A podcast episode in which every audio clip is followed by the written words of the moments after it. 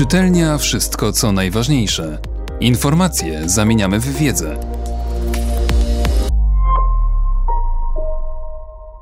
Ksiądz Jan Sochoń wskazywał granice ustępstw. Jan Paweł II w moim życiu. Karol Wojtyła, Jan Paweł II stał się dla większości Polaków i mojego pokolenia strategicznym wzorcem życia. Naszym powołaniem powinno być kapłaństwo, nawet jeśli nie nosimy liturgicznych szat. A więc publiczne świadczenie na boską chwałę słowami, muzyką, tańcem i wszelkim znakiem. Czesław Miłosz Od śmierci Jana Pawła II świat w wielu sferach bardzo się zmienił.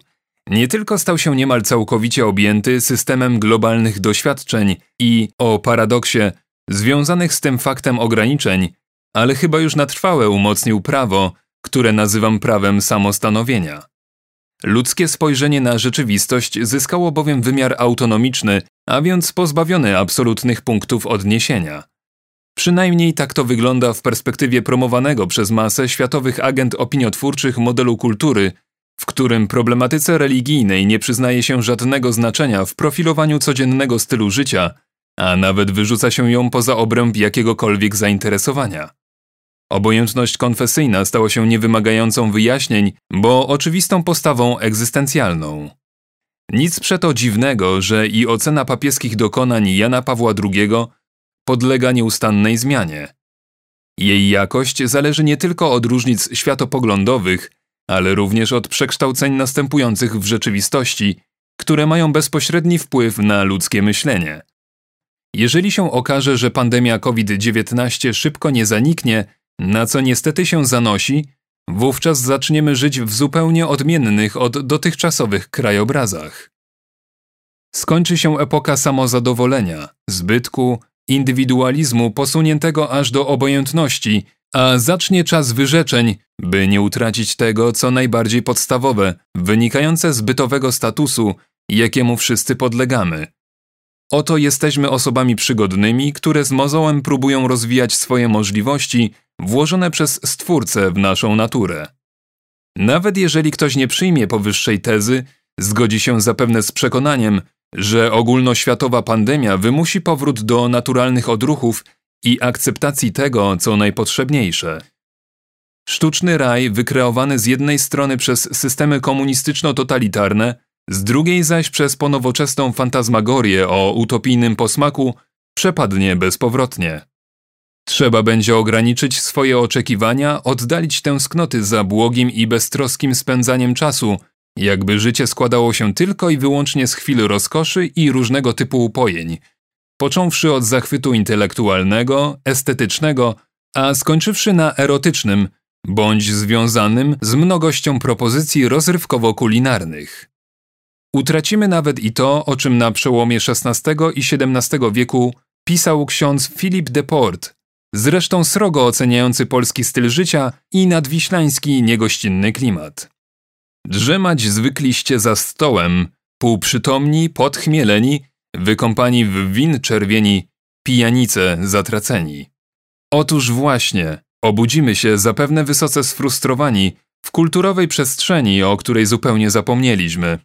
A będzie ona, proszę wierzyć, w dużej mierze zbliżona do tej akceptowanej i kochanej przez Karola Wojtyłę Jana Pawła II, wywiedziona z ducha chrześcijańskiej antropologii i etyki zakorzenionej w prawie naturalnym, pokładająca całkowitą ufność w słowach Ewangelii, potwierdzających, że oczekiwany przez całe pokolenia Żydów Mesjasz to właśnie Jezus z Nazaretu, Bóg i zarazem człowiek, co pozostaje kamieniem obrazy dla większości niechrześcijan, zwłaszcza dla wyznawców islamu. Nic przeto dziwnego, że odnajduję się w tej nowej rzeczywistości, zyskując w Janie Pawle II przewodnika i świadka prawdy uosobionej przez Chrystusa. Gdy po raz pierwszy usłyszałem o Karolu Wojtyle, a było to w latach młodzieńczych, kiedy wraz z zespołem, jak to się wówczas określało, bitowym Cor Unum, założonym i prowadzonym przez naszego ówczesnego duszpasterza księdza Piotra Bożyka, Uczestniczyłem w festiwalu muzycznym w Krakowie, gdzie Karol Wojtyła gratulował nam muzycznego występu. Od razu rozeznałem, że wyczucie artystyczne zeszło się w nim z wrażliwością teologiczną i filozoficzną.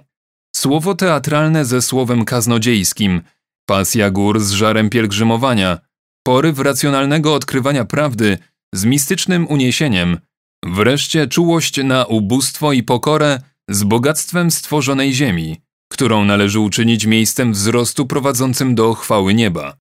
Nie mogłem też pominąć, co mnie już wówczas niebywale ujmowało, z zachwycającej jedności poetyckiego stylu życia z duszpasterskim zaangażowaniem. Oczywiście nie wyobrażałem sobie w tamtych chwilach, jak wcześniej nasi romantycy, że Wojtyła spełni marzenia i oczekiwania o słowiańskim papieżu. Niemniej jednak po widomym dłuższym czasie byłem już pewien, że Karol Wojtyła, Jan Paweł II, stał się dla większości Polaków i mojego pokolenia strategicznym wzorcem życia. Nie tylko pomógł wyzwolić się z komunistycznego jarzma, ale przede wszystkim umocnił wiarę w sens bycia, który spełnia się w symbiozie z chrześcijańskimi wartościami. Powoli dochodziłem do coraz głębszego przekonania, że moje życie powinno zostać ukierunkowane na kapłański styl życia, gdyż w ten sposób odnajdę egzystencjalny obszar pozwalający na rozwijanie tego, co we mnie najszlachetniejsze, choć najczęściej ukryte, ale też zyskam narzędzia, by nie myśleć zbyt często o sobie, a kierować codzienny wysiłek w stronę innych ludzi. Kapłaństwo jest przecież ze swej istoty wychylone ku drugim, ma służebny charakter i w nim się w pełni realizuje. Jan Paweł II pomógł mi ten fundamentalny fakt pojąć i niejako zachęcił mnie, bym próbował go realizować w naukowo-duszpasterskiej praktyce.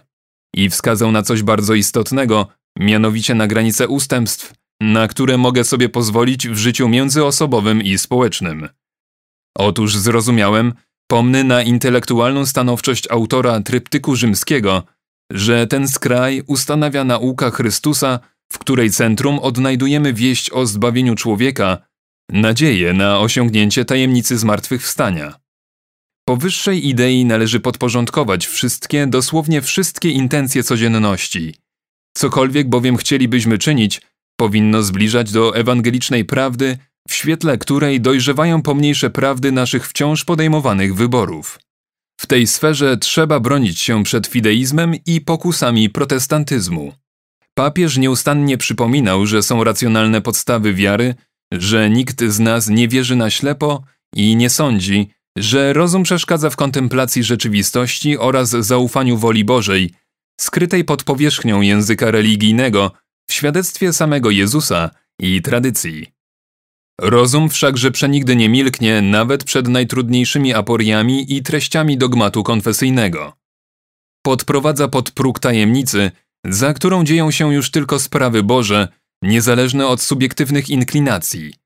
Natrętne podkreślanie podmiotowości osoby prowadzi do sytuacji, w której człowiek nie jest w stanie przekroczyć poziomu wrażeń, za jedyne kryterium postępowania uważa własne tak sądzę.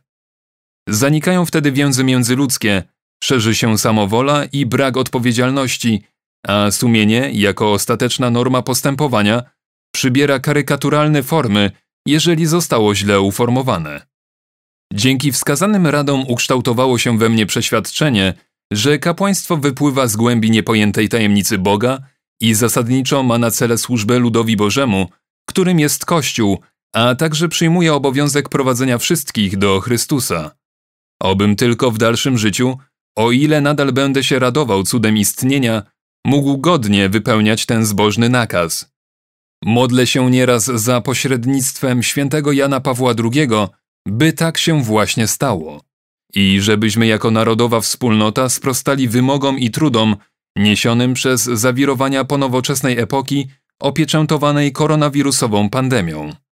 Byśmy nie utracili głodu bliskości, uzdrawiającej, pełnej nadziei na lepsze jutro świata.